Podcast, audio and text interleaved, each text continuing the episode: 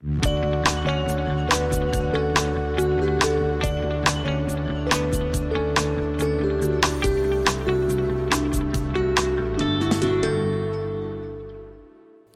velkommen til podkasten Leger om livet. Mitt navn er Anette Dragland, og jeg jobber som lege. Jeg har laga denne podkasten for å gjøre nyttig og viktig og god kunnskap om kropp og sinn lett tilgjengelig for alle. Og i dag så skal vi snakke om avhengighet. Og med meg har jeg eh, Lene Hoffmann.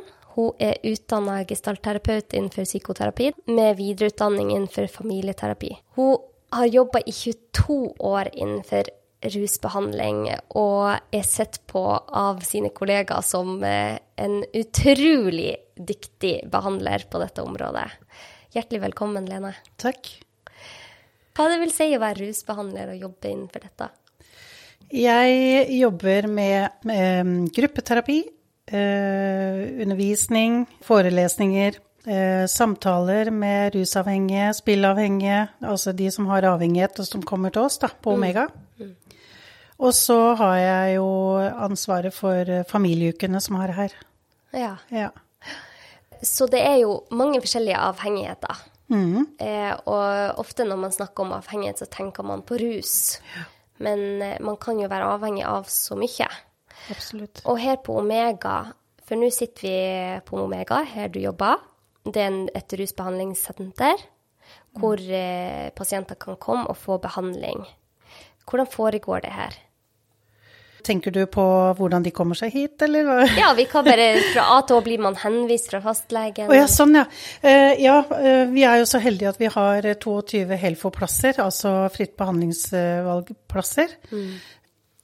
De blir henvist fra, først fra fastlegen sin, som regel, til eller psykologen sin til en vurderingsenhet i eh, kommunen sin. Mm. Og der vurderer eh, et team eller vurderingsenheten sitter og vurderer eh, hver, hver, enkelt pasient om hva han eller hun kan nyttiggjøre seg av behandling. Mm. Så, så, sitter vi i et sånt tverrfaglig team og vurderer de henvisningene vi får. Og da er de henvist til døgnbehandling. Mm. Så de er innlagt, da? Ja, innlagt på døgn, ja. Hvor lenge er de innlagt her? Oi, det er veldig forskjellig. Det er uh, alt fra åtte uker hvis det er noen som er her privat eller via forsikringsselskap, så er det ofte rundt sånn åtte uker. Mm. Um, Helfo, jeg kaller det Helfo-pasienter.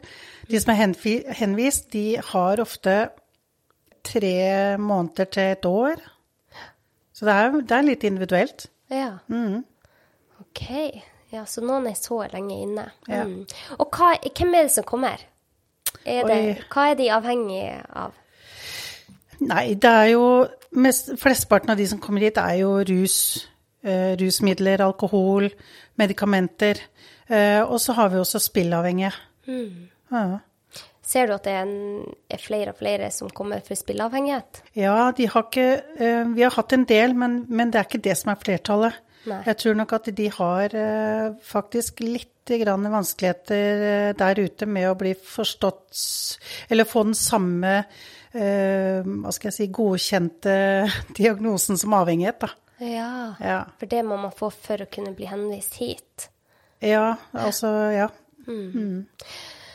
De fleste har jo vært igjennom eh, kanskje behandlinger før, eller eh, samtale på DPS eller eh, polikliniske, ikke sant. Og så funker ikke det, og så vurderes det da om eh, vedkommende nytter seg av det, eller om de må faktisk inn til døgnbehandling. Mm. Og der eh, tror jeg veldig mange spillavhengige sliter med å få godkjent, på en måte, eh, døgnbehandling.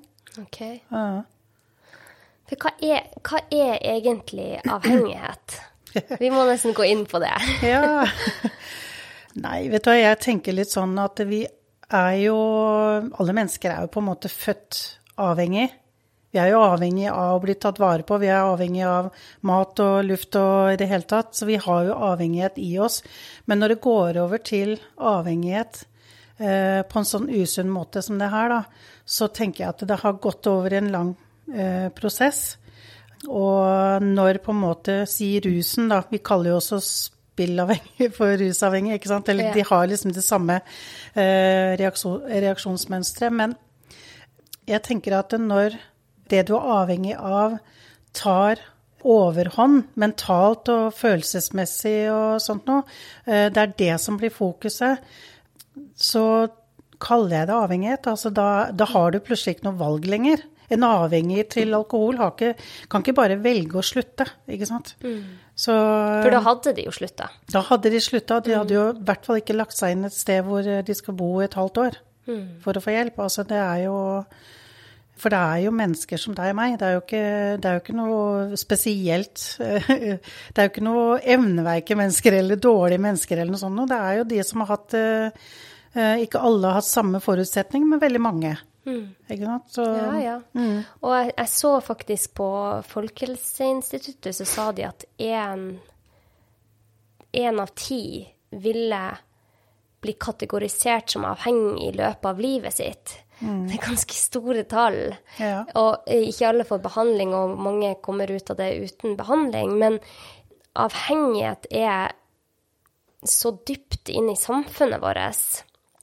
Og det er ikke bare de som man ser på gata som bruker sprøyte, som du ser går, når du går forbi, som blir kategorisert som avhengig. Vi kanskje er litt for kategorisk når vi tenker på avhengighet. Avhengighet kan jo òg være avhengig av eh, sånn som du sier, gaming. Man kan være avhengig av sex. Man kan være Mat. avhengig Ja, ja, ja spilling det, det er så mye man kan være avhengig av.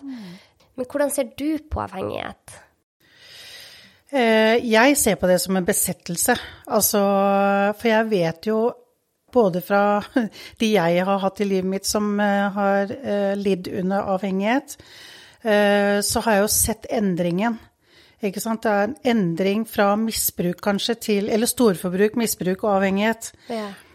Og akkurat liksom i overgangen, der vet jeg ikke helt hvordan jeg skal forklare, men jeg har bare sett at et menneske som, som har misbrukt i mange år, da, eller misbruker i mange år, de kanskje klarer å holde jobb litt sånn i sjakk, og eh, kjører kanskje ikke i fyll, og har sine moralske og eh, prinsipielle eh, regler å gå etter, da. Men eh, en avhengig får konsekvenser, og de blir bare større og større. Så jeg tenker at det er en sånn lite vippepunkt, da, for det er det jeg har sett på nært hold, og det er det jeg hører veldig mange avhengige sitter og sier, og det er derfor de eh, også bygger seg opp en benektelse, da. På um, Nei, jeg er ikke avhengig, jeg har kontroll, ikke sant. Og du hører mange sånne forklaringsmodeller, da. Benekter at um, eh, hva som skjer, og veldig ofte så får jo en som er avhengig, får jo vite av de rundt seg at eh, nå drikker du for mye, eller nå har du, hva skal du med de pillene? Du misbruker de pillene du får av legen din. Nei, jeg gjør jo ikke det. Og, og ikke så begynner vi liksom med veldig mye løgner. Det er skam og forvirring over å ikke ha kontroll sjøl. Det å miste kontrollen, ikke sant, det er jo det avhengig gjør. Og så tenker jeg Det kan godt hende at jeg er litt sånn på videvanke her, men jeg bare tenker liksom på et nært familiemedlem jeg hadde som, eh, som i dag er død, da, men allikevel som eh, Jeg fulgte jo tett fra det å være han som var morsom på fest, til å være misbruker som eh, fikk noe konsekvenser. Det betyr han ble skilt, men hadde råd til å fortsette livsstilen sin.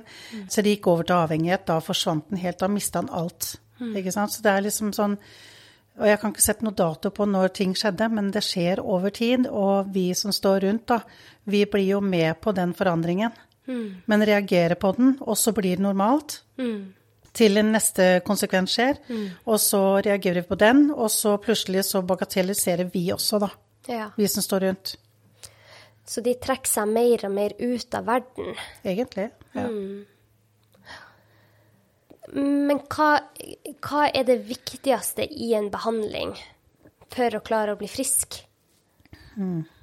Ja, det viktigste er jo å ville, da.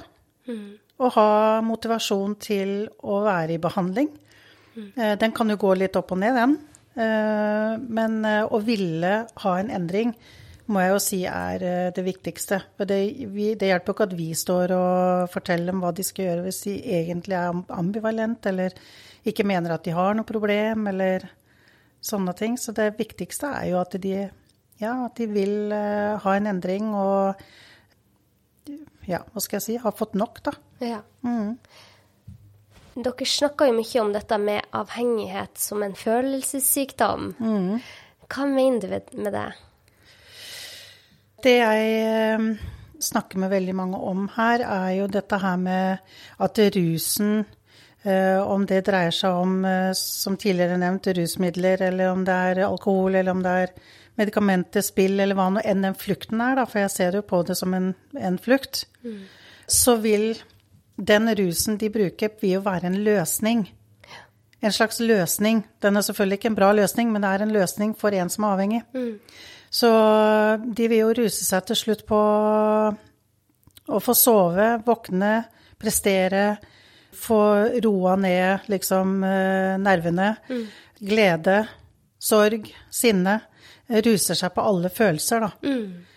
Så en, eh, det er klart at det er derfor det kanskje også er litt sånn eh, eh, utfordrende å være i behandling. Du har, ikke noe, du har ikke noe vei å flykte. altså Det er ikke noe å putte i seg for å Og det er jo ofte det som er første første liksom, spørsmålet her er, kan jo være at vet du hva, jeg har ikke sovet på tre døgn, jeg. Så kan jeg få noe, og så er det strekke ut handa liksom, for å få medikamenter. For det har vært en løsning lenge. Ja. Jeg tror kanskje det, er, kanskje det er litt hvem du spør òg, ikke sant. For jeg, jeg, tror i hvert fall på at det er en følelsesstyrt sykdom. Og jeg tror det er eh, noe som, eh, som blir en besettelse i huet. Altså det blir liksom Det er eneste løsninga for meg, er å bruke rusmidler mm. for å roe ned nerva, eller, liksom for å, eller for å ha det gøy, eller hva det måtte være. Mm. Og jeg er jo enig i det. Jeg tror jo at avhengighet er et sekundært problem. Mm. Eh, det, er et, eh, det, er en løsning på et primært problem. Så det at veldig mange avhengige kanskje prøver å døyve uro med, la oss si, en pille, eller det begynner med et glass whisky på kvelden. Mm eller at man søker tilflukt ute i sosiale medier, det er jo mange som er avhengig av det, eller ut i gaminga, for de har så mye uro, og det er en måte å håndtere uroen. Så avhengighet blir på en måte en løsning på et underliggende problem. Jeg tror at vi er i et samfunn nå der man skal prøve på en måte kutte ut alt som er vondt i livet, og da er det veldig lett at man går til en eller annen eh, avhengighet for å bli kvitt den, det som er vondt, istedenfor å snakke om det. Og eh, jeg så jo en studie fra 2018 som var publisert i et sånt tidsskrift som heter Nature, hvor eh, de viste at mus som de, de satt mus i bur der de fikk lov til å enten sosialisere seg med andre mus eller få heroin eller metamfetamin. Og det var mange, mange flere mus som heller valgte å sosialisere seg enn å få heroin og metamfetamin. Og jeg tenker at det er et sånn fint bilde på det. Vi har så mm. lyst til egentlig å føle tilhørighet. Vi har lyst til å ha det bra. Men så hvis det blir tatt fra oss, og ofte er det jo vi selv som tar det bort fra Vi vil ikke, vi vil ikke gå nært inntil problemet, vi vil ikke føle på det vonde, så går man heller til det andre, og det er kanskje heroin eller alkoholen. Hva du syns om dette? Jeg tenker at det er veldig mange som eh, er eh, rusavhengige som viser seg å ha alvorlige tilhørighetsbrister. Mm. Eh, jeg skal ikke komme med noe forskningstall, jeg, for det har jeg ikke greie på, men, men det er veldig mange som har, som har tatt tak i akkurat det der psykologspesialister innenfor rus og psykiatri og sånne ting, de finner tilhørighetsbrister. Og det kan jo være så langt tilbake at ikke vedkommende egentlig husker noe sjøl, men, men, det er jo veldig det er jo, det er jo, folk som er avhengige, som kommer hit og som ikke har noe å på en måte sette fingeren på eller uh, sånne ting. For vi leiter jo ikke etter en konkret årsak, mm. men vi er ute etter du kan si Når vi sitter her daglig i grupper, så sitter ikke vi og snakker om rusmidler. Mm. Jeg er jo veldig opptatt av å, eh, eh, å si til de pasientene jeg har med å gjøre, i hvert fall, at eh, dette her er en livsstilsendring. Istedenfor å kalle det en rusbehandling. Fordi at det blir så Det er jo en livsstilsendring. Det er jo å endre på stort sett det meste. Holdninger, løsninger eh, som tidligere har vært rus. Det å også legge vekt på det her med Mange av de sier at ja, det verste som kan skje meg, er at jeg begynner å kjede meg. Ikke sant? At det blir for mye tid. At ikke jeg skal passe inn. Hvordan skal jeg forholde meg til normale mennesker? De, de gjør seg sjøl veldig sånn øh, øh, Hva skal jeg si Spesielle på et vis, da. Som sikkert vi andre har vært med på å gjort dem, ikke sant. Fordi at det er jo fortsatt veldig mye skam rundt det med rus. Mm, veldig mye skam. Eller avhengighet, da. Mm. Med all avhengighet. Fordi ja. at det er Og jeg tenker også at det handler litt om uvitenhet, ikke sant. At det, det her er et normalt oppegående, smart person som likevel eh, utvikler avhengighet. Mm. Og det er, jo, eh, det er jo veldig vanskelig å stå og se på. Ikke sant? Og skjønne at dette her altså, det, eh, Hvordan kan dette her være en sykdom eller en følelsessykdom eller lidelse eller hva vi skal kalle det, når han er så smart? Han er ordentlig flink til å jobbe. Ikke ja. sant? Får mye kred for å jobbe 16 timer i døgnet. Og så kan jo det også være en avhengighet. Ja. Så um, nå snakka jeg litt på utsida av det som du spurte om. Ja, men jeg syns det var veldig fint. Men det er, det er, jo normale mennesker som eh, har utvikla avhengighet, og noen trenger å Eller de fleste syns det er ålreit å gå litt tilbake. For, ikke for å finne noen syndebukker eller finne ut av, men det er noe med De har jo spurt seg sjøl i mange, mange år hvorfor. Hvorfor klarer jeg ikke å stoppe? Hvorfor, eh, hvorfor, er det, hvorfor ble jeg avhengig? Mm. Hva er det jeg rømmer fra? De har like mye spørsmål, de, som vi som står rundt. Mm. Er det noen risikofaktorer for å bli avhengig? Har barneoppdragelse noe å si i gener? Jeg har ikke noe medisinsk utdannelse på det med gener, men det blir Allikevel, eh, for meg så har det blitt en forklaring på at dette her er så eh, Det her er så veldig individuelt, på en måte. Det er så eh, Hvem som helst eh, viser seg kan være avhengig. Ja. Er jo, for det er jo noen som utvikler avhengigheten allerede fra første gang de putta i seg en pille, eller første ja. gang de putta i seg alkohol. Mm. Um, og så er det jo andre som ikke utvikler dette her før de er 50. Mm. Altså gått opp i, i alderen allikevel. Så jeg jeg slipper å gå og lure på årsaken til det. Eh, så lenge jeg liksom kan eh, Sånn er det for meg, da, at jeg mm. kan legge det på en genetisk eh, lidelse. For jeg tenker at er, Jeg er jo eldstemann av seks søsken. Og vi har foreldre som har slitt med avhengighet. Og det er ikke Vi har blitt prega av dette her i barndom og oppvekst, og barneoppdragelse ikke minst, mm. som kanskje var mer eller mindre var uteblitt, da. Mm. Men vi har jo ikke den type avhengighet allikevel. Mm. Som man kanskje skulle tro at ja, selvfølgelig har du, selvfølgelig har du utvikla avhengighet fordi faren din var sånn, eller Det er mange som tror at det, liksom Det er tillært, da. Mm. Så jeg Det er litt vanskelig å svare på det her med ja. genetikk, for jeg tror det er så mye meninger rundt det. Ja, og det er både genetikk og miljø. Ja, ja.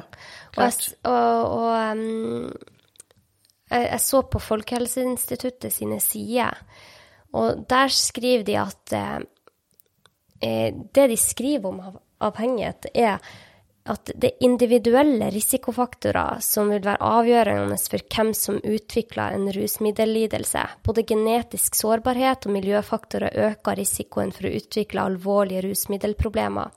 Og så skriver de at rundt halvparten av de samla risikofaktorene for å utvikle rusmiddellidelse er knytta til genetikk.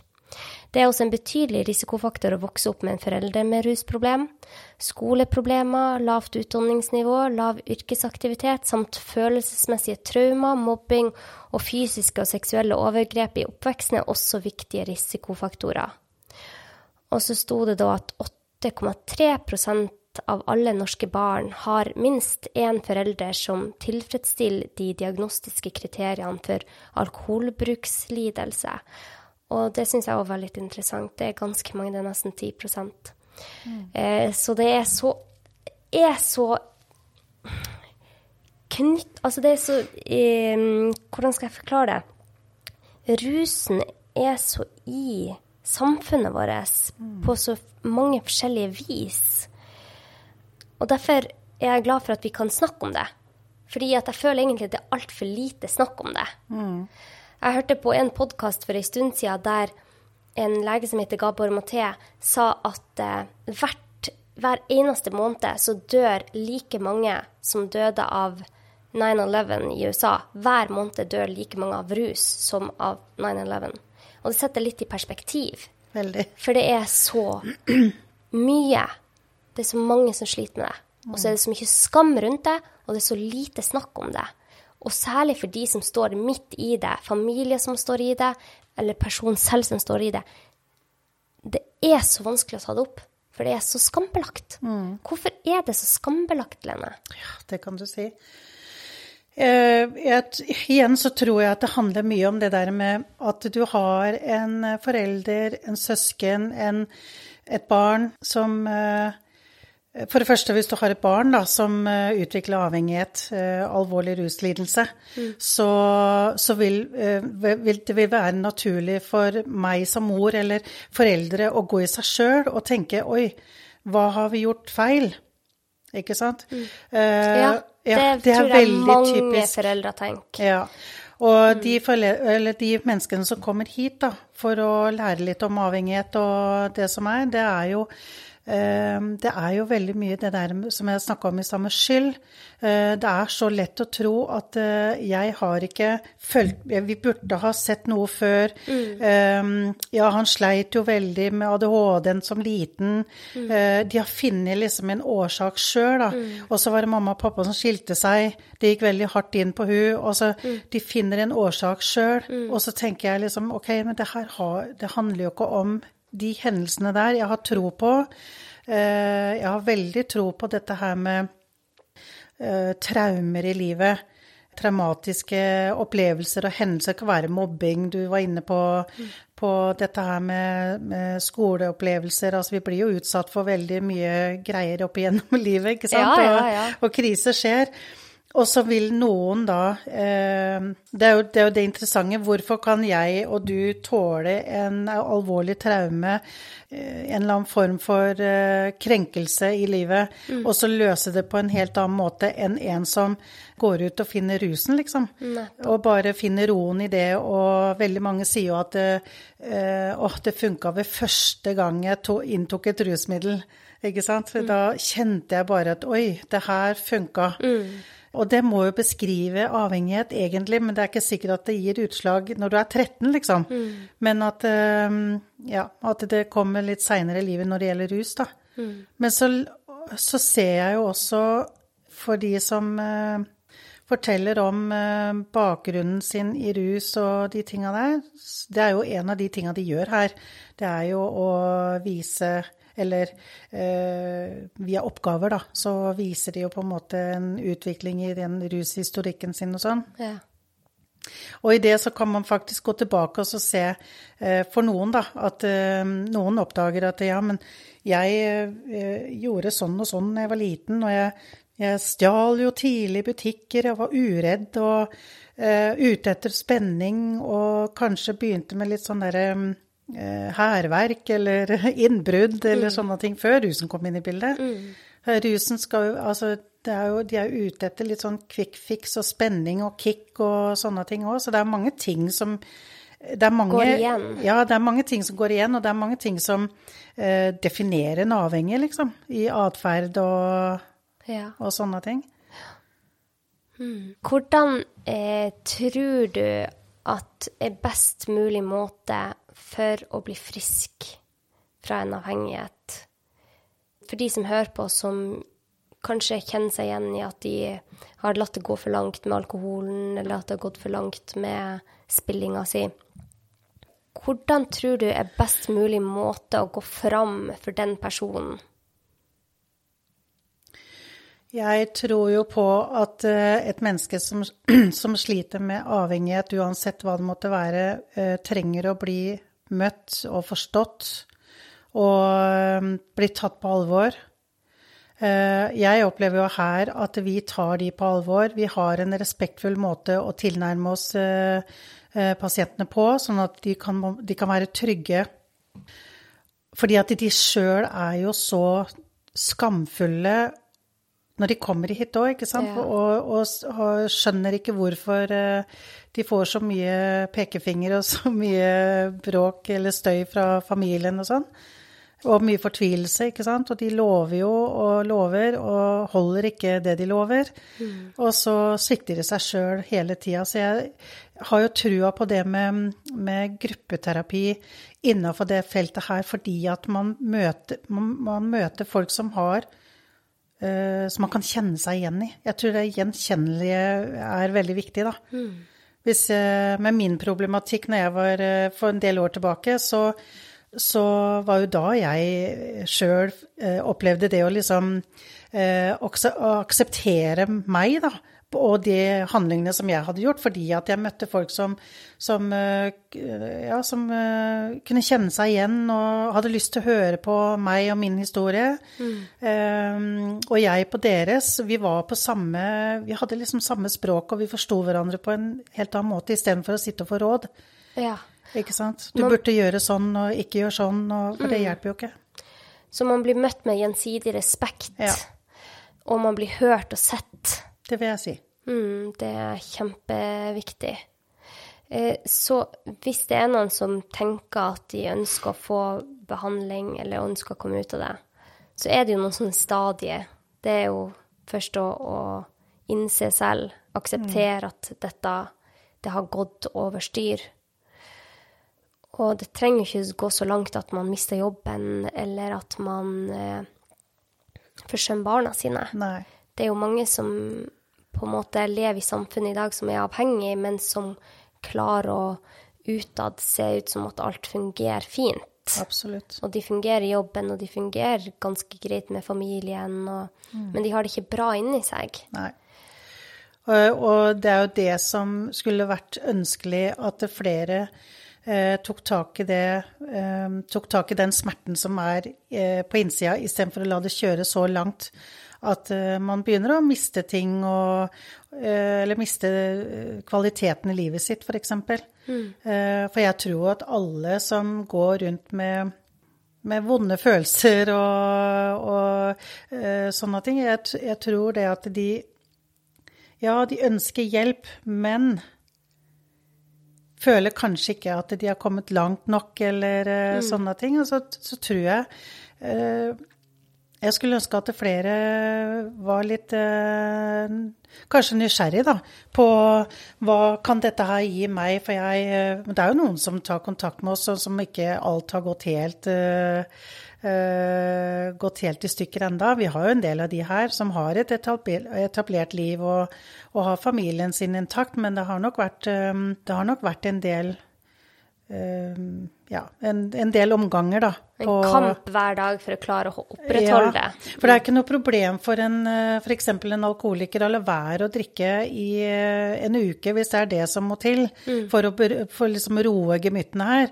Men det er jo det å, å Det vil jo være Han har jo ikke noe, han har ikke noe bra med seg sjøl. Mm. Uh, og det var jo det jeg alltid tenkte, var jo at når uh, Hvis han slutta å drikke, eller holdt en pause eller noe sånt nå, så tenkte jeg at å, nå har vi det bra. Jeg hadde det bra med det, han hadde ikke bra. Men det skjønte jo ikke jeg. Jeg skjønte ikke at ok, han lengter egentlig bare etter å komme til lørdagen der, fordi han har vært edru en uke, og så kan han drikke igjen. Ja.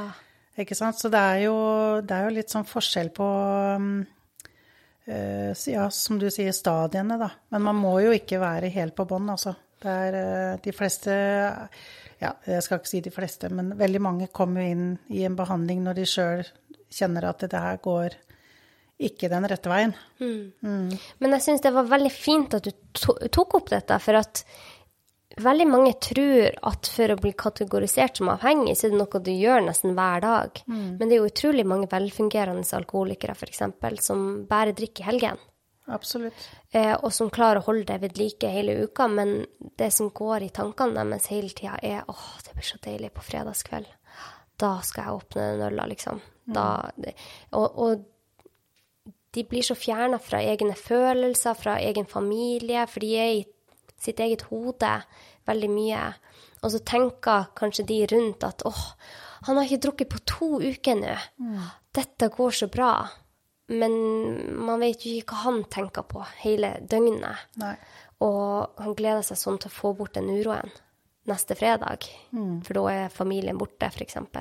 Og det er det, når man begynner å ha sånne tanker Når man begynner å tenke at ah, bare, bare på fredag så skal jeg få gjort det, eller på tirsdag så har jeg fri fra skolen, så skal jeg game hele dagen for å få bort denne uroen inni meg, så tenker jeg at det er kjempelurt å ta kontakt med noen for å snakke om hvordan man har det. Det handler ikke om at man skal få en avhengighetsdiagnose. Det handler om at man skal snakke om hvordan man har det inni seg. For at da har man det ikke bra. Og da er det veldig fint å ta det før det går for langt. Før man mister jobben, før man mister sertifikatet eller eh, blir skilt. Det, det, det er mange, mange steg man kan mm, ta kontakt før mm, det går så langt. Og vi har, det er jo så mye forskjellig avhengighet. Sant? Man er jo avhengig av, av å trene, man er avhengig av å jobbe. Det, det er jo avhengigheter alle sammen. Og det er jo for å døyve et problem som man har under der. Det er en uro som man må snakke om. Og det er det jeg tror er så, gjør det så vanskelig for folk, for at de eh, tenker åh, men jeg, har, jeg er ikke viljesterk nok. nok. Jeg burde jo ha klart det. Jeg er jo så smart. Alle sier jeg er så smart. Hvorfor klarer jeg ikke bare slutte å ta den ølen, liksom? Men det handler jo ikke om viljestyrke, det her. Nei, For det hele tatt. hva tenker du man skal gjøre hvis man står på sidelinja og ser at noen sliter med avhengighet? For nå har vi snakket om eh, til deg hvis du kjenner at du kanskje har en tendens til å være avhengig av noe. Så snakk med noen om det. Snakk med eh, noen du virkelig stoler på. Og om du ikke stoler på et familiemedlem, en venn eller fastlegen Det finnes kjempeflinke sykepleiere som jobber i kommunen, eller en psykolog. Bare snakk om hvordan du har det inni deg, for det er veldig mye man kan gjøre fra det stedet. Eh, Men til de som har familie, da, som man, man merker at det begynner å gå Man har sett tegnene veldig lenge. Ofte ser man det jo i årevis. Så ser man at det går, blir verre og verre. Hva anbefaler du å gjøre? For det er jo så lett, sånn som du sier, å si du må jo bare gjøre sånn. Kan ikke du bare slutte? Du bryr deg ikke om oss. Det er så ja. veldig lett å ta den der. Og så prøver man en annen vinkel. Hvis du slutter, så skal du få det og det, eller å, du har ikke lyst til å dra på ferie. Altså, det er sånn Det, det, det blir så man, jeg, jeg vet at de som har noen som er avhengig i familien, har prøvd alle innfallsvinkler som overhodet er mulig.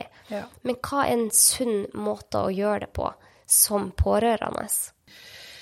Jeg eh, møter jo veldig mange pårørende. Eh, og når de kommer hit, da, f.eks. og skal være med på sånn kurs en uke, eller familieuke, som er en terapiuke, så eh, hører jeg jo på en måte kampen de også har vært i. Eh, For de er jo tross alt veldig glad i dette mennesket og, og får stadig vekk håp. Men jeg opplever også at det er veldig mange som som sier det du sa nå, ikke sant. Og først så begynner vi med den der frustrasjonen og sinne og bebreidelser og kritikk. Og vi oppdager løgner og ikke sant. Vi blir litt dårlig selskap for hverandre, egentlig. Og så Og så vet jeg jo at eh, jo mer håper å si ærlig du tør å være på eh, å si noe om hva, hva du bekymrer deg for, hva du opplever, eh, grenser, ikke sant. Ikke vær så redd for å ikke være så redd for å være litt spot on, da. Eh, fordi det ofte en eh, avhengig personlighet eh, opplever, er jo at vi andre går litt rundt grøten og pakker det inn og blir litt sånn redd for å trykke på knapper, og så er vi kanskje vant til at i kampens hete på å prøve å få en samtale om dette her, så blir det så ubehagelig at vi liksom Den avhengige bare går. Eh, og så skal vi prøve å finne en annen taktikk, og så vi jobber altså så mye for å finne en måte å nå fram på. Men jeg tror jo på dette her fordi at eh, både når det gjelder innafor familien, eh, blant venner, på jobb som arbeidstaker, arbeidsgiver, ikke sant. Noe med å tørre å ha den derre ubehagelige, direkte samtalen. Og hvis ikke det funker, så har jeg jo tro på eh, klar tale, grenser. Altså, du kan ikke komme hit eh, rusa, f.eks. Mm. Ikke sant? Her har jeg barn og alt mulig. Jeg, jeg kan ikke ta deg imot når du er rusa, f.eks. Men det er jo eh, Jeg tror de alle, alle, gjør så godt de kan, da. Mm. Ut ifra Men vi blir jo med på en sånn der utvikling på det, ikke sant. Så vi Også de aller fleste er fryktstyrt. Eh, redd for å si noe gærent, redd for å såre. Det hører jeg mange sier. ikke sant? Jeg er så redd for å såre, jeg er redd for å ta feil. Og i, til syvende og sist så er vi livredde for at de skal dø. Mm. Så er det jo noen som uh, går så langt at uh, uh, ja, truer med å ta livet sitt, eller nei, da kan jeg like gjerne Ikke sant? Og så, og så blir det også noe som vi blir redd for. Så det er veldig vanskelig tema, faktisk. Og det er vanskelig å sette grenser. Mm. Fordi vi er redd for å også miste litt kontrollen. For det er som du sier, at hvis, hvis jeg setter en grense, og så drar du, da. Eh, eller han eller hun drar, og så blir borte, svarer ikke på telefon, så er jo det mer tortur det enn å, enn å bli ropt til, liksom. Mm, mm. Så det er jo det er ikke lett. Og jeg tror kanskje ikke det fins noe sånn klar oppskrift heller. Men når jeg hører folk sier at uh, jeg kommer aldri til å gi opp, jeg kommer aldri til å gi meg. Uh, jeg har hørt folk som har snakka om det, ikke sant. At jeg, jeg, jeg nekta å gi meg. Eh, og nå er han heldigvis i behandling. Mm. Og det er vel og bra, det, men på, på hvilken bekostning, liksom. Eh, så viser det seg at den som ikke har gitt seg, da, som kanskje kan være den pårørende, var ikke i stand til å jobbe lenger, har begynt på medikamenter, må ha noe å sove på. Ja. Vi begynner liksom med samme mm, løsningene på mange måter, da. Kanskje ja. ikke som en avhengig, men eh, for å, for å få det lettvint, eller mer enkelt, da. For det blir store problemer, vi får masse vondter, og det er eh, Ja. Så det som er viktig hvis man er pårørende, har familie eller nær relasjon, en venn som er avhengig, så er det å faktisk ta det opp med de under en ordentlig samtale, og ikke gå rundt grøten. Og hvis man har tatt opp eh, det flere ganger, du ser det ikke blir bedre, så er det viktig å sette grenser. Ja. For at de må, de må gå den veien selv. Mm. Det er vanskelig. Veldig. Mm. Det er veldig vanskelig. Så er det mange som har prøvd, ikke sant. Altså de føler sjøl at jeg har satt noen grenser, jeg har gjort sånn, jeg har sagt det. Men øh, kanskje du har bøyd under for de grensene, da. Mm. Det blei litt vanskelig å ikke åpne døra likevel. Nå er ikke jeg den som sier at du steng døra og hiv nøkkelen, liksom, for det er ikke der jeg er. Men jeg tenker at øh, jeg kan sette noen grenser for hva jeg vil ha i mitt liv, da. Mm. Jeg har møtt veldig mange mennesker, og det er jo eh, noen som gir opp og setter grenser. Eh, og til slutt så havner de Så, så viser det seg at eh, eh sønnen eller hvem det måtte være, bor nede i kjelleren og driver og røyker hasjen sin nede i kjelleren, liksom. Mm. Og familien bor oppe. Altså, det er jo, det er jo tilrettelegge for uh, veldig stygg utvikling, da. Ja, men det de er redd for da, er at de havner på gata, ja. hvis ikke de huser de. Ja. Men er det å bare utsette problemet, tenker du, eller? Ja, jeg tenker at det er en farlig tilretteleggelse av en veldig dysfunksjonell livsstil, da. Mm. Det vil jeg jo si. Mm. Hva er en bedre måte å gjøre det på, da? Hvis sønnen sier 'hvis ikke jeg får bo her, så havner jeg på gata'. Mm. Ja, og igjen så blir det så vanskelig å svare på, fordi eh, jeg har vært borti alle de her spørsmåla opp igjennom alle de åra jeg jobba med pårørende. Mm. Og ideelt sett så hadde det vært å sagt at nei, men vet du hva, da kanskje han trenger eh, noen uker på gata, da. Men det er jo ikke Eh, det er jo ikke realistisk. Én en ting er å si det, en annen ting er å gjennomføre det. Og så er det noen som har gjennomført det og fått gode resultater av det. Men, eh, men jeg, det er aldri noe jeg kommer til å sitte og si til en mor, f.eks. At uh, kast den på gata, liksom. Det er, uh, det er, det er så Det er ikke å møte hun eller han da, som står i den uh, krisa, liksom. Mm. En rusavhengig ruser seg. Punktum. Mm. Ikke sant? Eh, så lenge det er ubearbeida, vel å merke, da. Eller så lenge de ikke har fått hjelp. Men det er, det er, liksom noe med at de andre også trenger hjelp, da. De som står rundt. Mm. Og jeg har jo trua på at vi eh, som står rundt, da. Om det er jeg som behandler, eller om det er eh, de som eh, mener at det som kan hjelpe en rusavhengig som er aktiv da, i rus, er å få tak over huet, liksom. Ja, eh, alle de her hjelpetiltakene som vi har. Mm. Jeg tror det at jo mer Altså, jeg tror det at vi som står rundt, vi er Vi er kanskje med på å la en rusavhengig fortsette å ruse seg, da. Mm. En slags muliggjører. Mm. Vi tilrettelegger. Mm. Det kommer litt an på hvor langt vedkommende har kommet òg, da. Eh, det kan jo være noen som har holdt på i årevis, og så kan det være noe man oppdager eh, som har nylig har oppdaga, ikke sant. At mm. Eh, det her begynner virkelig begynner å bli synlig, da. Synlig at det går litt utforbakke. Mm. Er det noe sted pårørende kan ta kontakt for å få hjelp hvis de ser at de, de klarer ikke dette? De vet ikke hva de skal gjøre?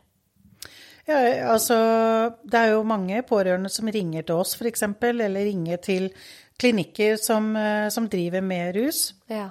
Eh, for å få litt hjelp og veiledning. De kan komme til en slags eh, samtale, forvernssamtale her for å høre litt Kanskje bare hjelp til å, å si de rette tinga i forhold til at nå forventer vi at du tar imot hjelp, eller ja. sånne ting. Det har vi jo hjelpa familie med.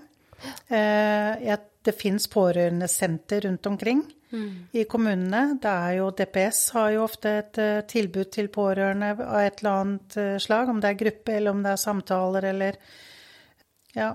Så mm. det er jo Det fins da steder som det går an å Jeg tror man må grave litt i hva er kommunen min har å tilby meg som pårørende. Mm. Det er mange som får hjelp rundt omkring i kommunene, for det er litt mer fokus på det nå enn det det kanskje har vært før, da. Mm. For det er mange pårørende i forhold til én rusavhengig. Ofte. Det er det. Mm. Det er det. Det påvirker så utrolig mange at én person er avhengig. Ja.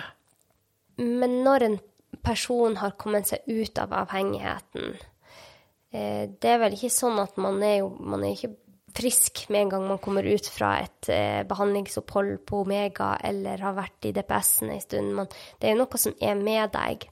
Men hvis du er i en fase der du har slutta å ruse deg, og virkelig prøver å få det bra igjen, er det noe som er viktig å huske på i denne fasen, i denne veldig viktige fasen som man ikke får tilbakefall?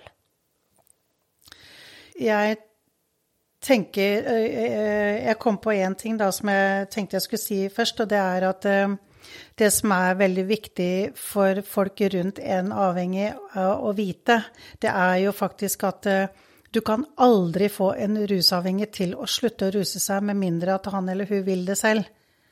Og det er kanskje med på å lette ned litt byrden på skuldrene, fordi det er mange som tror at vi gjør, vi gjør veldig mange stunt for å liksom få en rusavhengig til å slutte. Men, men, det, men, det, hjelper ikke. Uansett hvor mye krefter jeg bruker på det, så hjelper ikke det. Med mindre at det, det er noe en, en rusavhengig må ville sjøl, mm. rett og slett. Det er det vi ønsker å tro, da. Mm. Vi ønsker å tro at ah, Hvis jeg bare gjør sånn. Hvis jeg bare gjør sånn ja. eller sånn, så kommer det til å løse. Han må bare forstå det, eller hun må ja. bare forstå det sånn. Ja. Og så var det andre. eh, I denne, i denne eh, tilhelingsfasen, da, ja. der noen har slutta med noe. Slutta med gaming, slutta med røyken eller slutta med alkoholen. Mm. Um, hva er det som er viktig for den personen å vite om i den fasen? Er det noe de kan gjøre sånn at det er større sannsynlighet for at de klarer å opprettholde eller klarer å slutte? Hvis en uh, rusavhengig eller uh, pengespillavhengig, eller hva det måtte være, uh, er i behandling. Det vi ser her, er at ja, de er i behandling, de jobber med seg selv, og det er ganske intensivt, det vi gjør her. De får noen innsikter. Og familien hjemme er jo, eller de pårørende er jo kanskje letta over at det endelig tok han eller hun imot behandling. Og så begynner tida å nærme seg å skulle hjem eller eh, ut fra behandling. Og da eh, er det akkurat som eh, eh, de pårørende, eller de som står rundt, da, eh, de bretter litt opp armene fordi at nå kommer han hjem igjen, og da skal vi være klar. Mm. Og så begynner vi faktisk å oppføre oss litt på samme måten. Vi har automatisk, kanskje i underbevissten, litt sånn mistanke om at nei, dette her kommer ikke til å gå bra. Eller um, sannsynligheten for at uh, ikke han eller hun tar ansvar for livet sitt, den er til stede. Eller at uh, ja, altså familien eller de som står rundt, ikke gjør noe egentlig med uh, seg sjøl. Og da vil vi gå inn i de derre Vi er redde, vi er mistenksomme, vi er, uh, vi er klare til krisen, liksom. Og det vil de merke. Så vi begynner, å, vi begynner da å kontrollere igjen. Mm.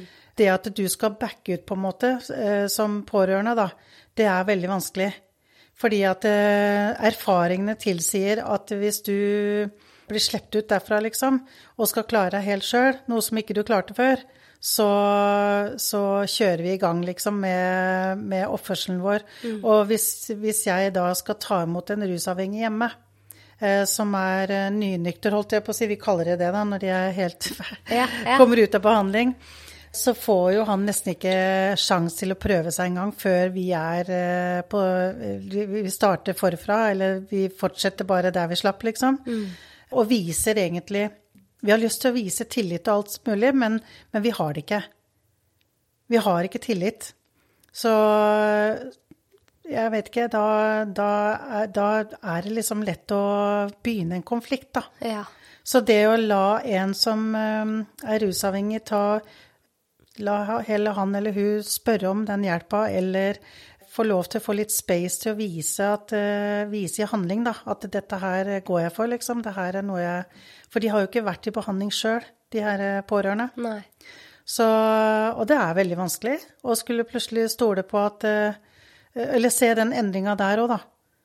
Først så ser vi at en mister eh, livskvaliteten sin til rus, og så plutselig kommer han ut av behandling, og så har han plutselig lært mye greier og har fått eh, innsikt og setter grenser og stiller krav og Ja. Så det er noe med å gi hverandre litt rom og tid og alt mulig. Men noe konkret å gjøre er jo ikke så, jo ikke så lett å råde folk til, da, for det, vi lærer jo folk her i behandling at de skal ta ansvar sjøl, både for økonomi og liksom eh, Ja, det, hva det måtte være der ute. Jobb og Jeg møter jo folk som skaffer folk jobb, ikke sant. Det er liksom Ja. Ja. Så Så tar ansvar. jeg syns det var veldig fint, og det er jo litt sånn Behandler du noen andre som et barn, så blir de et barn. Og det er veldig lett at man går inn i de akkurat de samme mønstrene når en person kommer hjem, eller hvis de trenger ikke å vært innlagt, men de er under behandling. Og så fortsette å gå rundt de som at de er et barn fremdeles, men de er en voksen. Eller la oss si at det er mora, da. Så eh, kan man fortsette å oppføre seg nedlatende og sånn, og du har ikke kontroll på ting, og åh, jeg må alltid gjøre ting. At man ikke snakker med, til de med den respekten. For de føler jo seg annerledes, men du har ikke endra deg. Nei. Så det er en sånn vanskelig dynamikk, men som pårørende så må jo man òg se på seg selv. Mm, absolutt. Men det er veldig viktig for meg å si at det er jo godt ment. Ja. Intensjonen er mm. stort sett god, men dessverre kan være ødeleggende for en som er ferdig i behandling og skal ut og ja, eh, prøve dette ansvaret, da. Ikke sant? Så mm, Man vil jo så godt for de man er glad i. ja, absolutt. Nå må vi springe over til medavhengighet. Lene, hva er medavhengighet? Medavhengighet uh, bruker jo vi her som en, eh, et ord på tilstand. Det er en prosess, uh, vil jeg kalle det, for et menneske som tilpasser seg et annet menneske, f.eks. Det er en reaksjonsprosess, rett og slett. Reaksjon på, på hvordan man skal tilpasse seg et problem, f.eks. Så hvis du kommer til en eh, rusavhengig person, da, så um, er det veldig mange ting som Det er jo en følelsesmessig tilknytning her. Da. Det er jo ikke hva du gjør, egentlig, for da snakker vi om muliggjøring.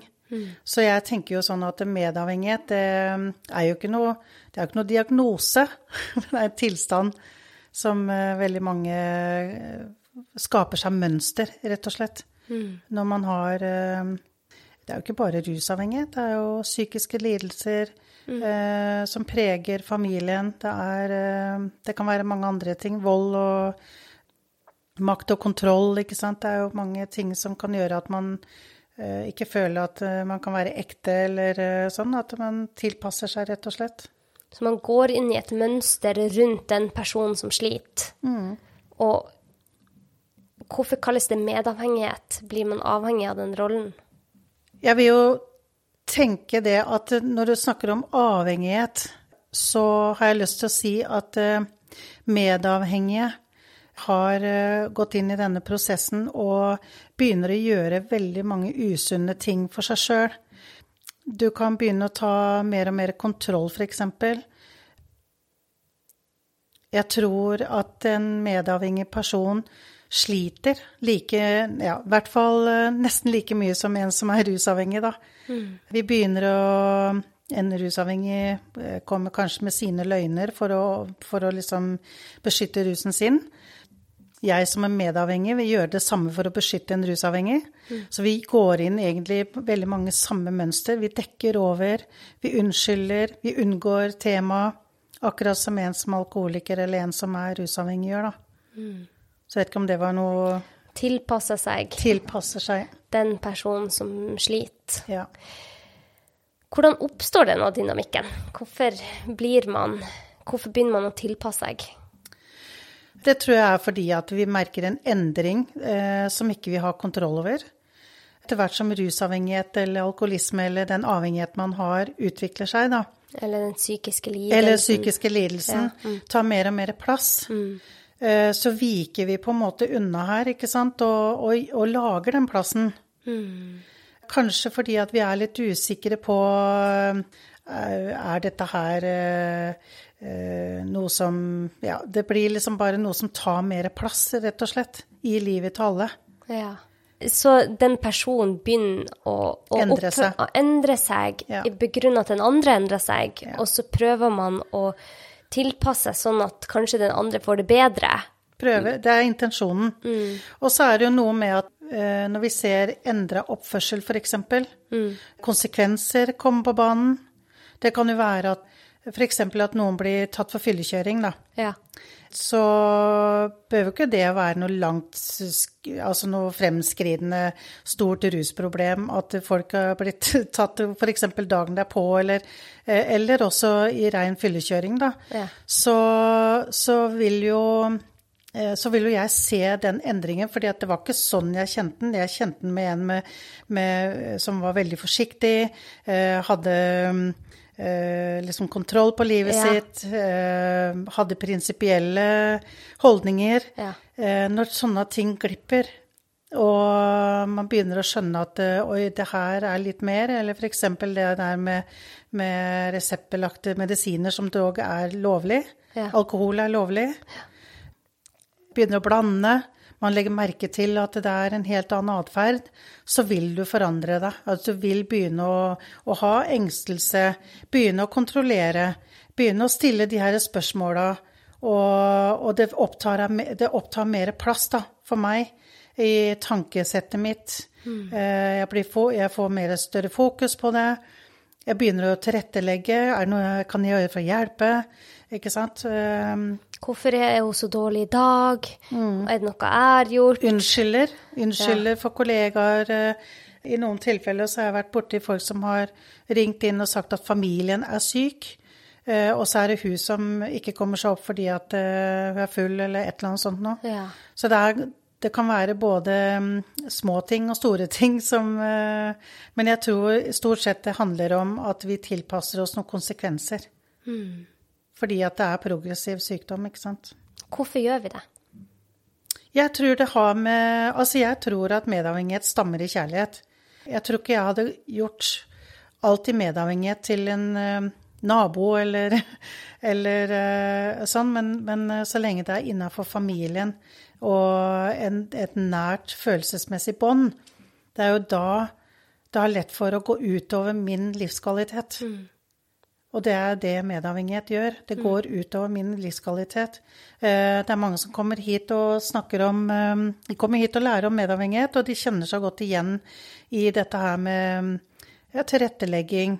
Det med å, ha Jobben min blir plutselig en, eh, et fristed. Eller at man ikke klarer å jobbe, for det er, jeg får ikke sove pga. en som er ute og ruser seg. Eller, altså det er mange ting da, som, eh, som eskalerer. Men så man har så mye kjærlighet til denne personen at man ønsker å gjøre alt man kan for å tilrettelegge for at de får det bedre. Ja, det er, jo, det er jo mission med det hele. Ja, det er mission med det hele. Og så begynner man i det små med å kanskje ringe inn til jobben, og hun er syk, og hun Ja. er så lei seg, men hun er så dårlig, hun klarer ikke å ringe selv, eller du unnskylder at eh, mannen din kjører eh, etter å ha drukket ganske mye kvelden før til jobb neste dag. Ja, men han har jo ikke alkohol i blodet, han kan jo ikke ha alkohol i blodet enda. Man begynner å legge, lage unnskyldninger for seg selv, og så gjør man kan man kanskje ofte få dårlig samvittighet hvis det ikke går bra. Og nå er jo mamma blitt dårlig igjen psykisk. Hva er det jeg har gjort? Og jeg må være mindre til bry, og jeg må gjøre alt perfekt. Og Etter hvert så blir det jo litt sånn at eh, en som er avhengig eh, Det problemet han eller hun har, blir mitt problem. ja. Så jeg som medavhengig begynner å skal rydde opp, ikke sant. Det blir alt fra å Jeg har møtt mange foreldre som f.eks. For eh, tenker at ja, nei, men han kan i hvert fall ikke eh, få inkassoer og sånn. Vi, vi må rydde opp i gjelda. Det er det mye av, ikke sant. Vi, der, der kan vi begynne. Betaler eh, telefonregninger, for ellers blir telefonen stengt. Eh, og da si, kommer det jo mer rente på den regninga, og så eh, mange som er redd for at økonomi, altså Økonomi er jo en av de store tinga som, eh, som medavhengig går inn og skal rydde opp i, da. ja. Fordi at det blir så konkret, ikke sant. Det er noe vi kan gjøre. Det er noe vi får til å hjelpe til med. Og det føles veldig godt å kunne hjelpe noen som man ser sliter. Mm. Men det vil jo ikke hjelpe en avhengig, for så vidt. da. Det er jo bare å muliggjøre for at han kan bruke pengene sine på noe annet. Så hva skal man gjøre? uh, ja, det er så lett å si ta vare på deg selv. um, for jeg tenker jo at det er en, det er en uh, liten prosess i det å lære uh, å få høre ordet medavhengighet. Og det å kunne skille mitt liv fra ditt, ikke sant. Fordi at vi smelter litt sammen. Hvis du har en bra dag, så har jeg en bra dag. Har du en dårlig dag, så, går, så er min også dårlig. Men det å skille, separere oss litt, da, og se, tørre oss å se hva, hva er det som er mitt her, da? Hva er det som er ditt? Ikke sant? Ehm, så lenge vi klarer å gjøre det, uh, og det er jo det som er vanskelig. Det er jo det, akkurat det som er vanskelig. Når du står midt oppi det, eh, så er det utrolig vanskelig å skille fordi at ditt problem blir mitt når du eh, ja, har rusa deg lenge og har eh, Ja, vi ser eh, Hvis du er prega, liksom, og du ser dårlig ut og alt det der, så er det veldig vanskelig at jeg skal steppe tilbake og la deg styre sjøl, og så skal jeg liksom eh, ta vare på meg sjøl. Det er veldig litt sånn fremmedord, egentlig, for en som står midt oppi medavhengighet, for det blir ganske sykt, altså. Ja. Altså, da tenker jeg på at man får litt sånn lidelse sjøl, da. Eh, mye spenningshodepine, det er sånn psykosomatiske eh, lidelser, uten at jeg er jo ikke noe lege, men jeg vet jo at eh, det er mange eh, følgesykdommer eller lidelser som følger med på dette her, da, for det er jo eh, ja. Ja, ja, og det har jeg jo sett gang etter gang på pasientkontoret. Og folk som kommer inn og har noen i familien som sliter. Og de er, tydeligvis, eh, de er så tydelige i det. Det er hele deres verden er at ene barnet f.eks. er psykisk syk eller avhengig. Og de blir selv sykmeldt. De blir selv syke av det. De klarer ikke å gå ut av den boblen. Nei. De klarer ikke å skille mellom sitt og sitt barn. Jeg skjønner hvor vanskelig det må være. Men det er, det er ikke bra at både den avhengige og broren f.eks. blir syk. Det, er, det hjelper ikke. Så hva er råd dere gir, for dere har sånne familieuker her på Omega. Hva er det dere gir av råd til pårørende. For det handler jo også om familiekonstellasjoner. Vi er jo skrudd sammen forskjellig, familiene, og noen tar mer ansvar for den avhengige eller den mm. som er psykisk syk. Og noen faller helt ut og vil ikke ha noe med familien å gjøre, for det blir for tøft. Ja. Um, hva, hva, er det dere gir av råd? Eh, når folk kommer hit til familieuke, så er, det, så er jo det på en måte en, eh, en liten prosess i seg sjøl, for de er jo her i, i, fem dager og skal være med på å finne ut av litt ting sjøl òg. Det skal stemme for hver en, ikke sant. Og jeg har oppdaga hvor, eh, hvor, mye benektelse det er i medavhengighet òg. Mm. Og eh, vi går inn gjennom flere faser og sånne ting, men i det store og det hele så handler det om å få eh, familien til å gjøre Altså ta ansvar for seg sjøl på samme måten som vi lærer en pasient, da. Gjennom rusbehandling. Eh, og så kan jo det være et vidt begrep, da. Men å ta ansvar for seg sjøl, så tenker jeg at de skal ta vare på egen psykisk helse, og de skal eh, overlate livet til en rusavhengig til en rusavhengig, da. Mm. Du får jo ikke gjort noe uansett. Men du kan gå nedenom og hjem selv, da. Psykisk og fysisk så kan du jo faktisk eh, miste helt eh, livskvaliteten sjøl. Mm. Bare fordi at du sitter og venter på at en rusavhengig skal ta imot hjelp. Mm. Så vi snakker jo mye om snakker mye om det. Om, eh, eh fordi at det som medavhengige, eller det som pårørende ofte vil ha, de vil ha, de vil ha svaret på hva de skal gjøre for å hjelpe. Mm. Når vi på en måte koker det ned til at men du kan jo ikke få gjort noe med han eller hun, du kan bare gjøre noe med deg selv, mm. så er det akkurat som det er litt vanskelig å godta. Mm. De vil gjerne ha en oppskrift på hvordan, hva skal jeg gjøre nå, da? Hva gjør jeg hvis han eller hun tar tilbakefall, f.eks.? Ja, ja. Så de vil, bare ha, de vil bare hjelpe enda mer? Ja, ja. faktisk. Mm. Ja. Så, så, det er litt vanskelig å, få um, Altså, de kommer jo ofte hit i familieuke på grunn for å være her for den som er i behandling. Mm. Hadde vi sagt til de at du er her kun for din egen del, så tror jeg ikke alle hadde kommet. Nei. For de, skal, de, er veldig oppsatt på at de skal hjelpe en rusavhengig. Ja. Eh, og det er helt naturlig å tenke sånn. Så de, blir de litt sjokka da, når de plutselig innser at oi, ja. Her har jeg mye å lære. Ja. Men eh, altså De aller, aller fleste er jo veldig, veldig glad for eh, Og føler seg nok litt mer håpefulle og litt friere når de drar hjem, da. Mm. Et, for da har de fått eh, de har fått uh, tredd mye over huet da, ikke sant? med forelesninger og undervisning om avhengighet, medavhengighet, mekanismer vi har. Mm. Eh, de må også sitte og innrømme, kanskje, da, noen om eh, og det å se likheten mellom seg selv og det de fordømmer hos en rusavhengig, da. Mm. F.eks. Eh, det med ljuging, gi alibi til eh, ja, politi eller noen andre, ikke sant, for å beskytte den rusavhengige. Ja, for man det går ganske langt for å beskytte sine. Langt. Eh, men du sier at dere lærer dem om mekanismer. Hvordan mekanismer er det som er i omløp her? Nei, det kan jo være at hvis du har en familie, så inntar vi jo forskjellige roller, f.eks. Um, ehm, familien er jo et system som er satt sammen med forskjellige personligheter. Mm. Uh, jeg tenker jo at vi lærer mye av det samme opp igjennom, men, men vi er forskjellige, som du sier, skrudd sammen allikevel. Um, så tenker jeg at vi inntar roller som er ganske uh, Som blir ganske tydelig. Det fins um, det her snille mennesket i familien, eh, hvis du skal gå på barna, da, mm. når de voksne på en måte har nok med sitt. Og i deres system så handler det om å skåne barn. Mm. Men øh, hvis du skal ta for deg en familie hvor det likevel er barn, da, mm. så glemmer man ofte at barna skjønner veldig veldig mye fra de er ganske unge. Mm. Og det de fanger opp, er jo spenninga. Uh, det er det som ikke blir snakka om. Eller det er det de hører eh, diskusjoner og krangling om, ikke sant. Mm. Og så inntar vi roller. Så det er noen som, som eh, blir stille, unnvikende, eh, skal på en måte ikke lage, lage noe mer bry, eller noe sånt. Mm. Eh, det fins de som blir veldig ansvarsfulle, mm. f.eks. Blir kalt som helt, helten i familien. Mm. Og det fins eh, de som utagerer på en annen måte. Som f.eks. Å være en sånn rebell eller ja, en som tiltrekker seg negativ oppmerksomhet, men det er jo bedre enn ikke noe.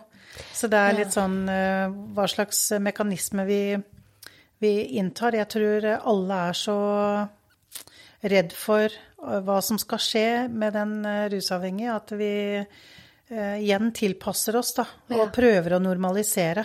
Og det er jo det man ofte gjør, er jo at man går langt for å normalisere.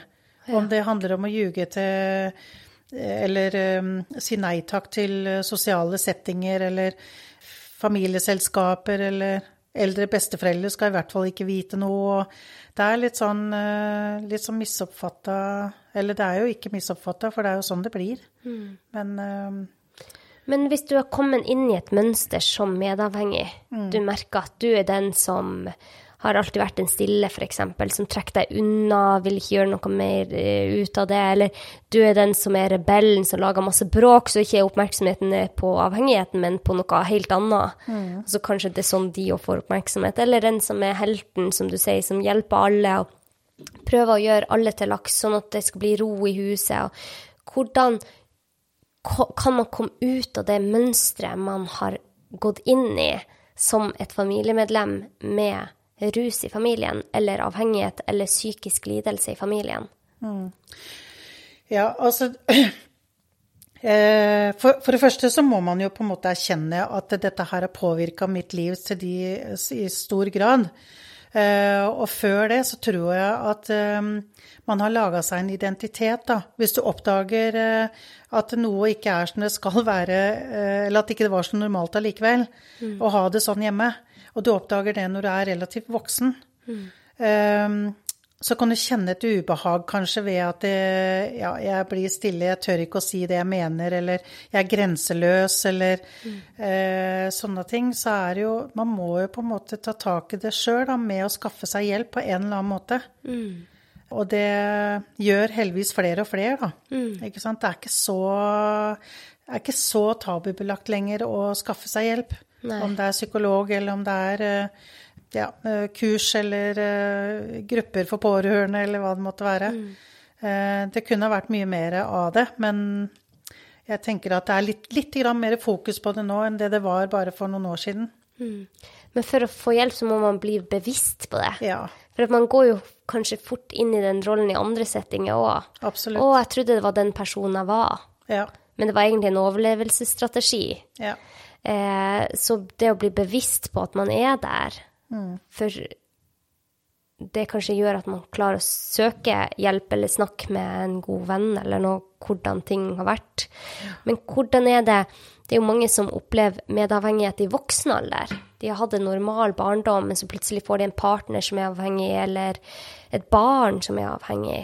Mm. Hva, er, hva lærer dere bort Eh, for å kunne håndtere det. Du sier at man skal ha en viss, prøve å få en viss distanse mellom de, at man ikke blir en og samme person med den som er avhengig eller psykisk syk. Men er det noen gode verktøy man kan eh, bruke når det står på, og når det er ille? For det er ofte ille når noen er så syk som de er rundt deg. Ja, hvis jeg skal sånn, eh, finne en enkel løsning på det, så er det å sette grenser, da.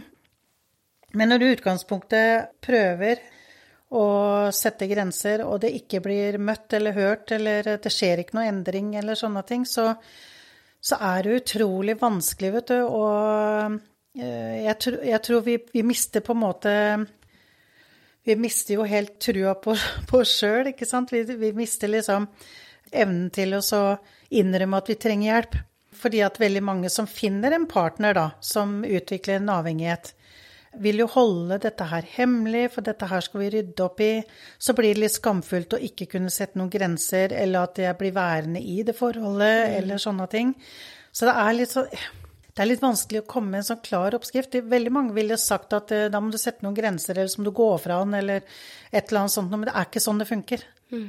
Det er jo ikke det vi gjør. Vi blir jo værende fordi at vi tenker worst case scenario hvis jeg går. Mm. Noen er jo selvfølgelig i stand til å, å, steppe ut av det, og det her finner jeg meg ikke i.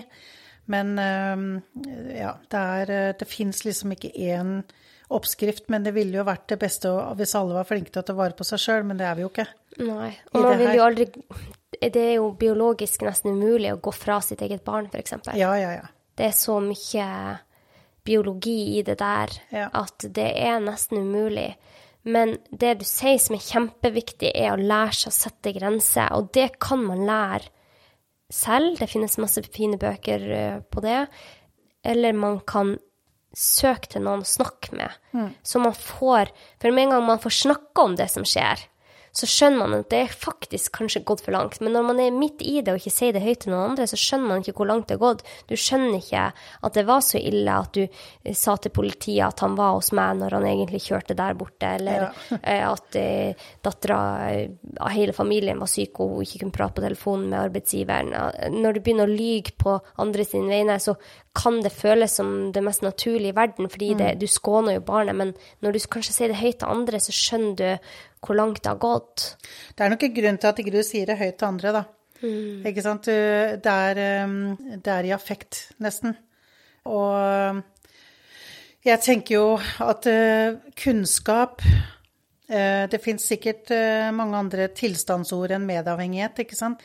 Mange har hørt om konfluens. Det er jo veldig mye av det samme, liksom. Det der med å smelte sammen og Um, og klare å ta et steg tilbake eller distansere seg litt fra situasjonen eller fra et menneske, og så bare Da snakker ikke jeg om at du skal flytte ut eller noe sånt, men jeg snakker om liksom bare ta det steget tilbake og være ærlig med deg sjøl. Hva er det egentlig jeg holder på med? Hva er det jeg driver med? Hjelper dette her noen? Bortsett fra min egen selvfølelse og det at jeg føler at jeg har bidratt med noe. Og man slipper av eh, dårlig samvittighet. Ja, og så fikser du ikke konsekvensene. Vi vil rydde opp i konsekvensene. Jo mer du rydder opp i konsekvenser til en rusavhengig, jo større blir de. Det var ganske sterkt sagt. Og det er jo sant. Det er ofte sant. Begynner du å betale den ene regninga, så er ikke det dermed sagt at eh, det ikke kommer flere. Ikke sant. Det er eh, Ja. Så det er et ganske omfattende tema, faktisk.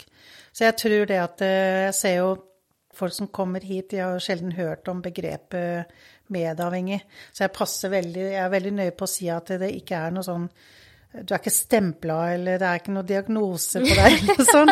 Det er, eh, det er en naturlig reaksjon på eh, noe som blir unaturlig.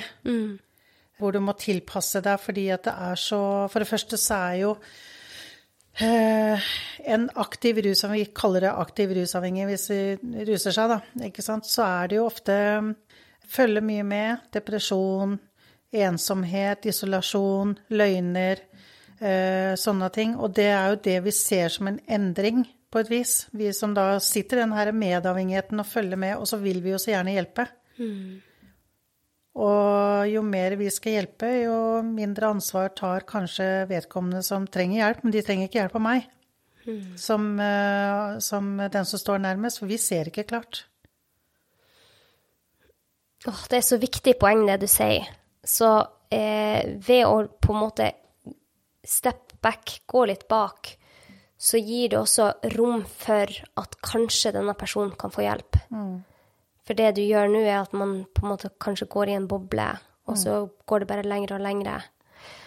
Ja, det er altså ikke Når et annet menneskes problem påvirker mitt liv da, og min hverdag, da, da kaller jeg det medavhengighet. Fordi at jeg mister mer og mer meg sjøl, ikke sant. Og jeg mister eh, evnen til å ta sunne valg. Og, og en annen ting er jo det at hvis jeg Jeg har jo vært borti veldig mange roller og mange mennesker som Og familier som har mer enn ett barn. Eh, Men det eneste fokuset er den som har rusproblemer eller psykisk lidelse eller hva nå enn det måtte være. Så er det på en måte det som blir elefanten i rommet. Eh, Og alltid et tema. Mens det sitter kanskje en bror eller søster ved siden av som eh, Ja, men hun eller han klarer seg jo. Ikke sant? Så det er ikke noe fokus på, på han eller hun da, som sitter ved siden av og har en bror eller søster som ruser seg. Og så er det så er det, det mennesket som får all fokus, penger, hjelp til å vaske leilighet eller eh, husrom eller hva det måtte være. Så det er liksom svikt. Man, man svikter uten å ville svikte. Det også er med i den her medavhengighetsrollen, da. Så det er ikke så stor forskjell på de avhengighetene der, da, vil jeg si. Nei. Interessant. Og så er det vel sånn at når man er medavhengig, så går man inn i enhver hver gang man er med den personen, så har man en agenda, nesten. Ja. Og det merker jo den som er avhengig eller psykisk syk eller har det vanskelig, at du prøver ikke bare å være der, bare være og være kjærlig. Du har på en måte en agenda. I dag skal denne personen bli frisk. Ja. I dag skal vi få til den gode samtalen. Ja. Eh, og det blir så trangt i rommet. Veldig. Eh, så hvor anbefaler du medavhengige å prøve å være i laget de uten noen intensjon? Ja. Eh, jeg pleier å si det her eh, før de reiser hjem herfra igjen, da, de pårørende, at eh, husk nå at hvis du skal ta en telefon til han eller hun og har kommet hjem fra behandling, så, så kjenn litt etter motivet for den telefonsamtalen.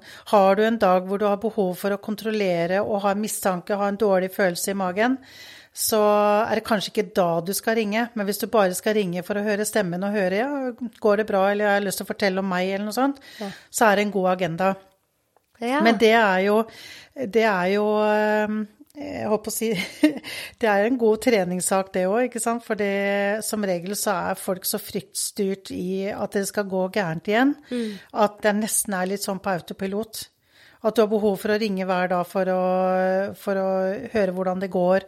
Ja, har du tenkt på rus, eller Og å komme alle de her kontrollspørsmåla som bare lager eh, motstand, og gjør i hvert fall ikke til at vedkommende tar telefonen neste gang. Men eh, det er lett å si, og veldig vanskelig å, å gjennomføre, i hvert fall i starten. Og derfor så er vi også ute etter at vi vil at folk skal bruke eh, Vi har et ettervern her. Vi vil at de skal bruke det like mye som en rusavhengig gjør etter behandling. For de trenger å få en påminnelse, de trenger å jobbe med seg sjøl for at det skal være levelig å få til en relasjon etterpå. Og det er jo det som ofte ikke blir noe av.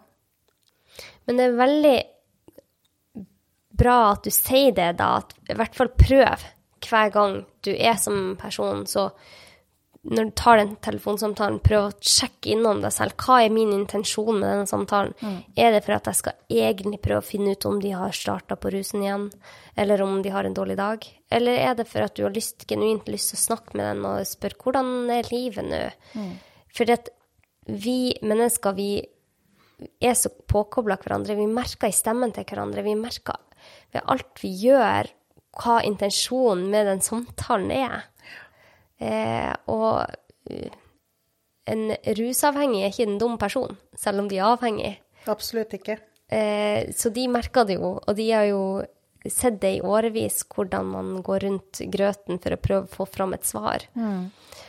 Så eh, Og de vil, de vil veldig fort merke det her. Nå her er de her et halvt år og jobber med ærlighet hver dag, og de tør på en måte slippe garden, og de begynner å se verdien av å leve rusfritt, da.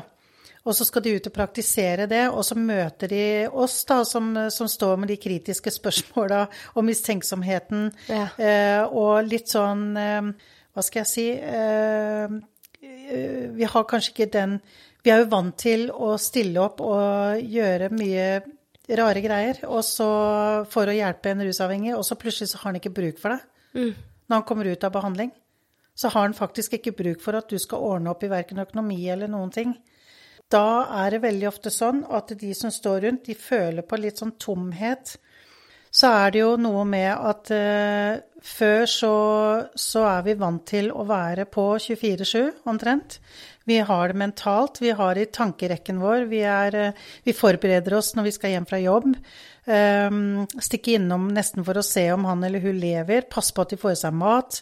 Uh, passe på at de kommer seg på jobb. Altså det er mange mekanismer vi holder på med. Og når vedkommende kommer i behandling, så er vi på en måte letta over Det var jo det vi ville hele tida. Uh, kommer de hjem og har eh, kanskje fått noen innsikter i hva som er hans eller hennes ansvar, begynner å ta tak i det allerede her da, i behandling, eh, så vil veldig mange pårørende føle seg hva skal jeg si, eh, til overs, da, fordi har ikke, han har plutselig ikke bruk for deg lenger, rett og slett. Eh, ikke på samme måten, da. Og eh, det kan faktisk føles litt sånn tom, litt tomt ut, og akkurat som man blir litt arbeidsledig. Ja, det har jo vært en del av jobben, for å si det sånn, da. Å ta vare på og passe på og ha kontroll, og så plutselig så skal du slippe den kontrollen. Det er veldig vanskelig, og det kan gi eh, uante følelser for en som er medavhengig, faktisk. En som er pårørende. Og det kan være som frustrasjon, eh, forvirring og sinne. Eh, litt sånn eh, Før så fikk jeg lov Altså før så var alt greit, og nå skal jeg liksom bare backe ut. Og så blir man litt sånn ja, hva skal jeg si, ja, frustrert da, over at eh, jeg får ikke lov til å holde på sånn som jeg gjorde før. Um, og har like stort kontrollbehov allikevel. Ja. Så hvor skal jeg gjøre alt dette her, da? Ikke sant? Og så får jeg dårlig samvittighet da, fordi jeg blir sint. Fordi nå gjør den jo faktisk noe som er bra. Men allikevel så sitter jeg og, og liksom ikke Det er ikke bruk for meg på samme måten. Det er mange som får reaksjoner på, og det skjønner ingenting av. For det her var jo faktisk det her Det var akkurat det her jeg har gått og ønska meg i mange, mange år. Og så, og så får jeg de reaksjonene. Og da har vi lett for å eh, Folk som kommer i annengangsbehandling, eller for den saks skyld tregangsbehandling, eh, har jo noen erfaringer med det her, da. Og det handler jo om å At det blir litt sånn håpløst, og det blir litt sånn eh, Det blir litt vanskelig å komme ut av behandling og skal stable, beinet, nei, stable livet sitt litt på beina. Eh, rette opp i ting og la tida gå. Eh, skaffe seg tillit her og der. Uh, uten å, å, få den innblandinga som vi andre har behov for å, å ha, da. Ja. Eh, og sette grenser. De tror jo ikke sjøl at de kan komme hjem og sette grenser for meg som er pårørende, fordi ja, men eh, jeg har ikke, altså det kan jeg ikke tillate meg, eller litt sånn lua i handa når de kommer hjem. Og det er noe vi har mye fokus på her, da. Fordi eh, det er så farlig, rett og slett. For en som er eh, avhengig, og som faktisk tar tak i livet sitt og gjør noe med det. Og så skal komme hjem med lua i handa og liksom bli kanskje konfrontert med tidligere hendelser og sånne ting. Jeg tenker at det, det, er naturlig at det er sånn, men jeg tror at det beste man kan gjøre da, er jo faktisk å oppsøke hjelp. Eh, hvis du skal til en psykolog eller til en terapeut eller være med på et kurs eller et eller annet hvor du kan prate om de tinga her. Fordi det er mange der som vil ha kjent som kan Eh, ok, det er, det er, sånn du har det, og det er eh, faktisk helt greit, men det er ikke greit å, å diskutere det med den avhengige som fortsatt er veldig sårbar, da. Mm. Og det her har vi veldig mye fokus på her, fordi eh, det er jo på en måte når de drar hjem at de store prøvelsene Det er jo ikke så vanskelig å være i behandling, men jeg sånn å være rusfri i behandling og føle at man kan både se livsglede og håp og alt sammen. Um, og så har du ja, så har du de utfordringene når du kommer hjem da, med Mm. relasjoner, rett og slett. Så de lærer seg å kunne sette grenser til relasjonene. Vi har i hvert fall som tema. Om de lærer seg, vet jeg ikke, fordi at de er ikke så gode på det, de heller. Nei. Men før, da, eh, for mange år siden, når jeg sjøl lærte en del om dette her, så hørte jeg alltid at eh, familien skulle sette grenser og være tydelige og sånne ting. Det var ikke så mye fokus på at pasientene skulle dra hjem og, og ha litt eh, klare regler for seg sjøl. Og, og skal selvfølgelig være tålmodighet og alt mulig sånt i, i relasjonen, men blir det for komplisert der ute, Ja. så har de en løsning.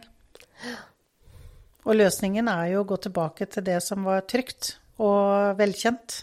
Sånn er vi mennesker. Det kan være smertefullt, men det kan være bedre å ha den løsninga enn å ha det veldig komplisert.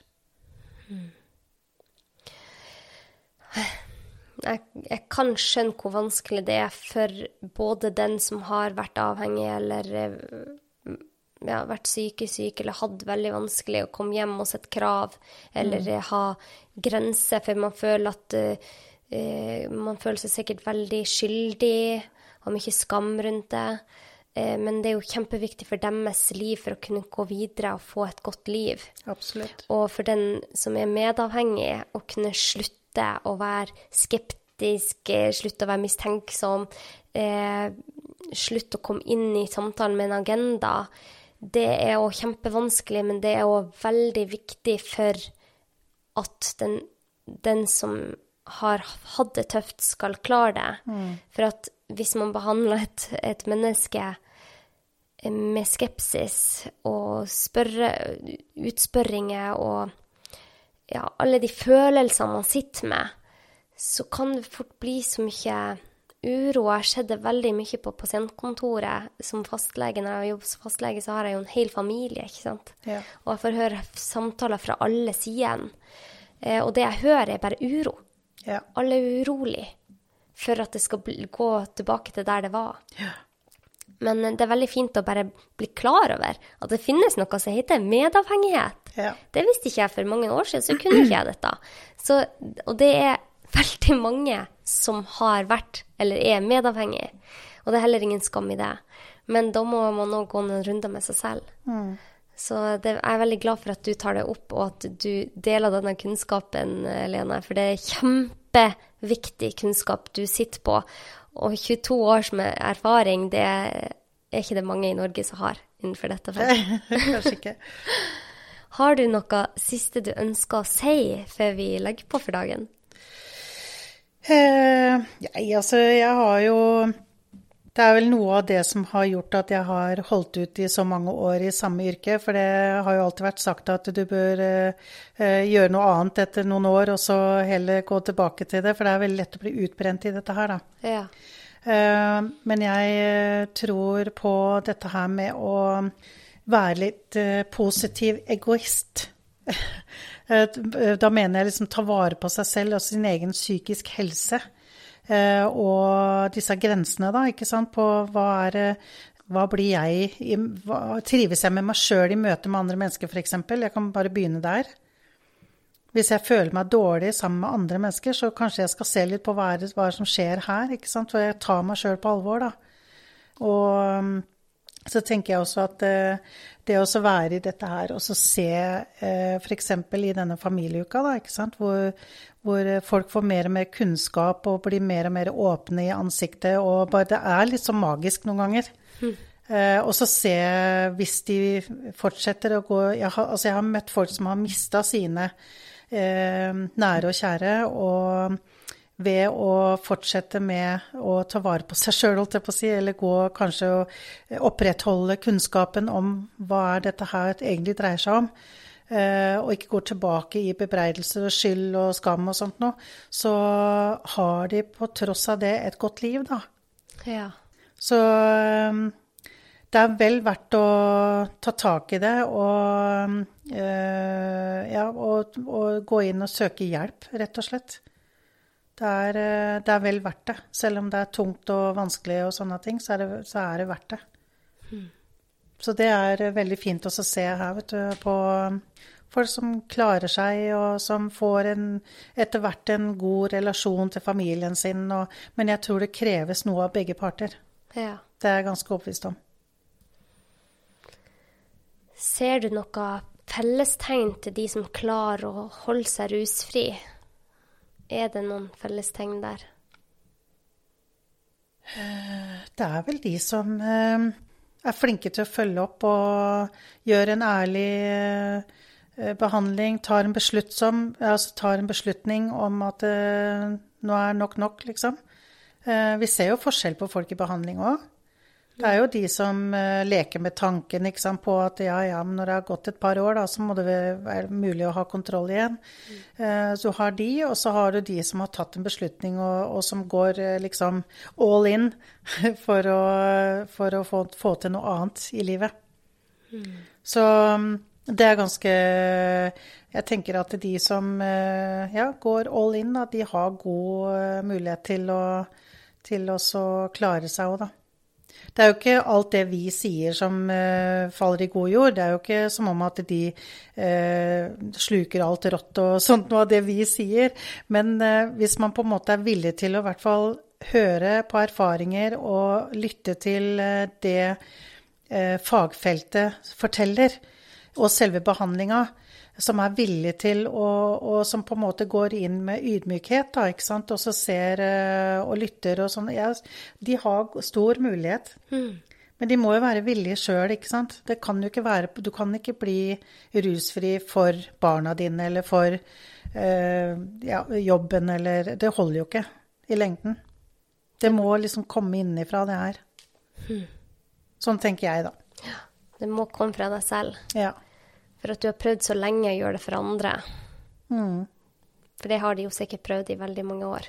Garantert. De har fått uh, høre hvor uh, håper å si dårlige mennesker de er som uh, svikter barna sine, og som uh, Ja. Det er jo ikke noe god følelse man går inn i en behandling hvor man stadig ikke har fått høre at man ikke er et godt menneske. Mm. Og det handler jo ikke om det. Nei, det handler ikke om det. Nei. Det var veldig hyggelig at du var med, Lene. Tusen takk for at du deler av eh, din kunnskap om avhengighet. Jeg tror det er mange som kommer til å kjenne seg igjen i denne episoden. Og jeg tror at det er mange som føler at eh, det er godt å kunne snakke om det, for det er så skambelagt, dette. Og jeg tror at hvis du er pårørende eller er avhengig, merker at du er avhengig av noe, så i alle fall ikke skam deg.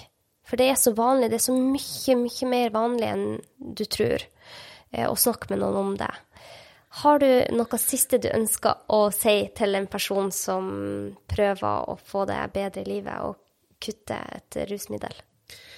Ja, egentlig ikke annet enn at eh, ikke la det gå for langt, og ta kontakt. Eh, Vi her på Omega tar jo gjerne en prat, uforpliktende prat med folk som er usikre på ja, hvor de er hen, og kanskje ikke helt er helt eh, der enda at de, ønsker, eller de ser for seg et behandlingstilbud. Men um, som sagt, da, det her er uh, oppegående, smarte mennesker som, uh, som uh, sliter med avhengighet. Så eh, uansett, da, så det er jo ikke bare her, det er jo mange steder man kan, som du sa i stad, ta og prate med noen. Eh, og være ærlig med seg sjøl, rett og slett. Kjempefint. Tusen takk for at du tok deg tid til å være med, Lene Hoffmann. Jo, takk. Og hvis du eh, tror at denne episoden er til nytte for noen, send den til Det er sånn vi får ut den gode kunnskapen. Så vil jeg bare si tusen takk til alle dere som abonnerer. Det betyr så mye for at denne podkasten skal gå rundt. Og med det så ønsker vi dere en kjempefin dag. Ha det godt.